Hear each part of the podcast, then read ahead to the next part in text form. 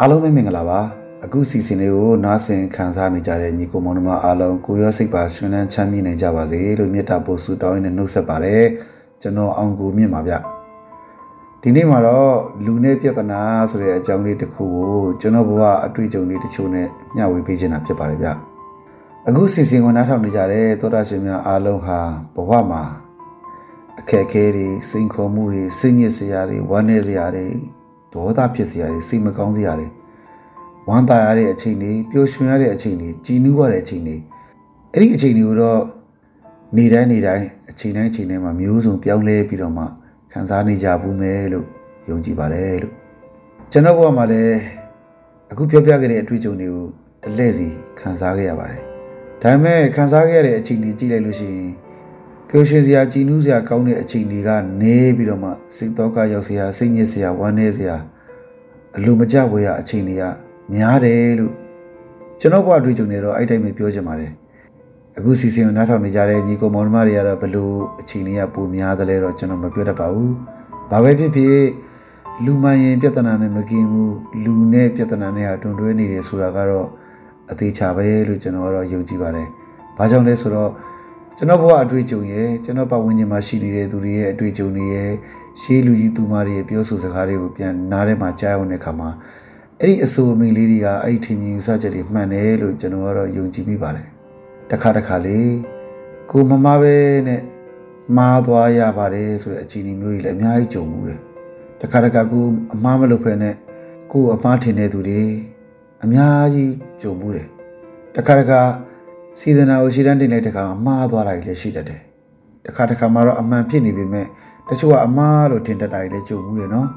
ဒါတွေကမကောင်းတာတွေပဲလို့ပြောရမှာပေါ့လေ ဒါပေမဲ့ကောင်းတဲ့ခံစားချက်တွေရွှေရွှင်ရကောင်းတဲ့အချိန်လေးတွေလည်းအများကြီးကြုံမှုမှာပါကျွန်တော်လည်းကြုံခဲ့မှုပါတယ်ဆယ်တန်းအောင်တဲ့နေ့တို့ဘွေရတဲ့နေ့တို့ပညာတော်သင်သွားရောက်ခေရတဲ့နေ့တို့အဲဒါမျိုးဒါမျိုးတွေပေါ့နော်ဒါတွေကလည်းကျွန်တော်ဘဝအတွက်ပြောစရာကောင်းတဲ့အချိန်လေးတွေပေါ့နော်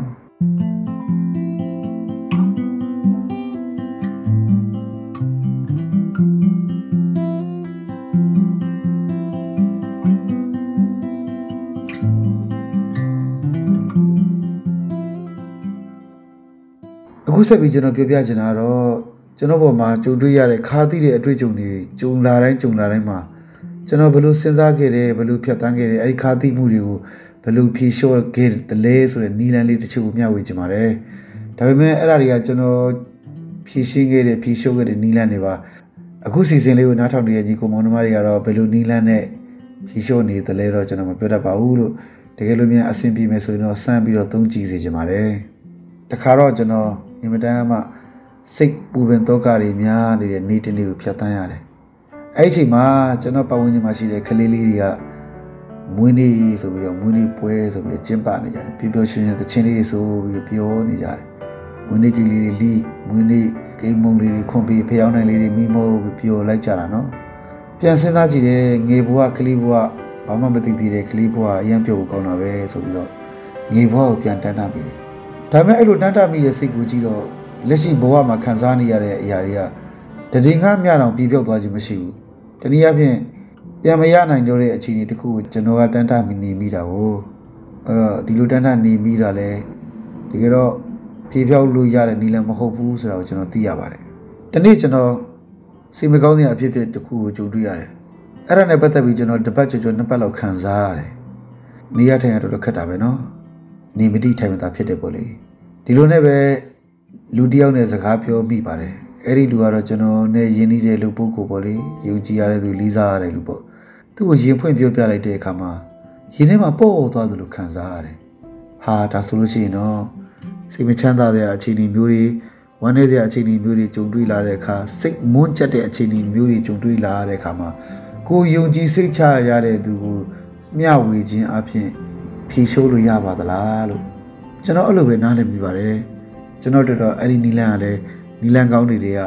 တခုလို့ကျွန်တော်ယုံကြည်ပါတယ်အဲ့လိုနဲ့ဘ ഹു သေးတာဖြစ်မဲ့သင်ခန်းစာလေးတွေကို online ကနေတစ်ဆင့်ပဲဖြစ်ဖြစ်ကျွန်တော်နားထောင်ခဲ့မိပါတယ်အဲ့ဒီမှာ motivator တယောက်ပေါ့နော်တနည်းအားဖြင့်ကျွန်တော်တို့အားပေးနေတဲ့လူကြောက်ကသူဘာပြောပြလဲဆိုတော့ပြဿနာဖြစ်လာလို့ရှိရင်တဲ့ပြဿနာကိုအဓိကအယုံစိတ်တာမဟုတ်ပဲဖြည့်ရှင်းတဲ့နီလန်ကိုဦးစားပေးပြီးရှာဖွေတာကပို့ပြီးတော့ကောင်းတယ်တဲ့ အဲ့ဒါကျွန်တော်ကြုံတွေ့လာတဲ့အခက်အခဲတစ်ခုကိုအဲ့ဒီတိုင်းပဲကျင့်သုံးကြည့်တယ်ဗျတကယ်မှန်တယ်ဗျอืมဒါဆိုရင်တော့ကျွန်တော်အနေနဲ့တော့ယူဆလိုက်တာတော့အခုလိုမျိုးဖြေလျှော့တဲ့နီလန်တလန်တနည်းအားဖြင့်ပြဿနာကိုအာရုံစိုက်တာပဲဖြေရှင်းရမယ့်နီလန်ကိုဦးစားပေးပြီးဆောင်ရွက်တာဟာကိုယ်စိတ်ထဲမှာခံစားနေရတဲ့ပူပင်ဒုက္ခတွေကိုဖြေလျှော့နိုင်တဲ့အကောင်းဆုံးနီလန်တွေကဒုတိယနီလန်တစ်ခုပဲလို့ကျွန်တော်မှတ်ယူရမိပါတယ်